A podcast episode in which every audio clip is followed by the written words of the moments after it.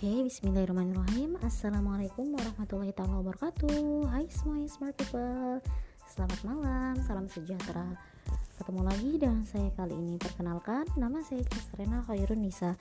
Saya dari Fakultas Ekonomi dan Bisnis Universitas Jana Badra Yogyakarta.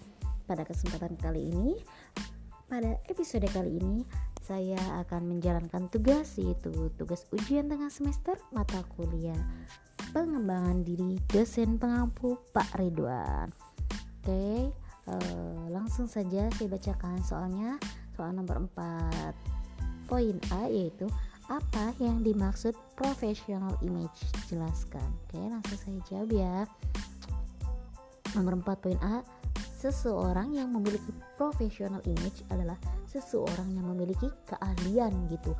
Keahlian dan keterampilan juga sikap mental dan tingkah laku yang terpuji. Segala sesuatu yang dihasilkan dari perbuatan dan pekerjaannya dijamin berada e, dijamin berada dalam kondisi terbaik dan mendapat penilaian yang objektif dari semua pihak. Jadi jadi semua pihak itu dari semua masyarakat gitu. Dari masyarakat. Jadi kesimpulannya adalah gambaran tentang keprofesionalan diri kalian masing-masing.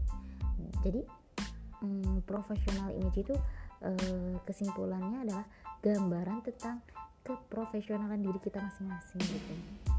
Di kalian masing-masing. Oke okay? lanjut. Di nomor 4 poin B. Soalnya mengapa profesional image penting bagi seseorang? Oke okay, lanjut jawabannya itu penting. Karena professional image ini tidak jadi soal apa pun itu status kalian atau situasi yang telah kalian alami sekarang ini atau kalian mungkin menyadari bahwa kemajuan dan keberhasilan kalian di dunia ini khususnya dalam dunia bisnis berhubungan erat gitu dengan cara orang lain memandang memandang diri kalian memandang kita. Dan yang tidak kalah pentingnya lagi yaitu cara kalian memandang diri kalian sendiri gitu gimana sih cara kalian itu memandang diri kalian sendiri? Biasanya kan orang lain gitu ya yang memandang kita.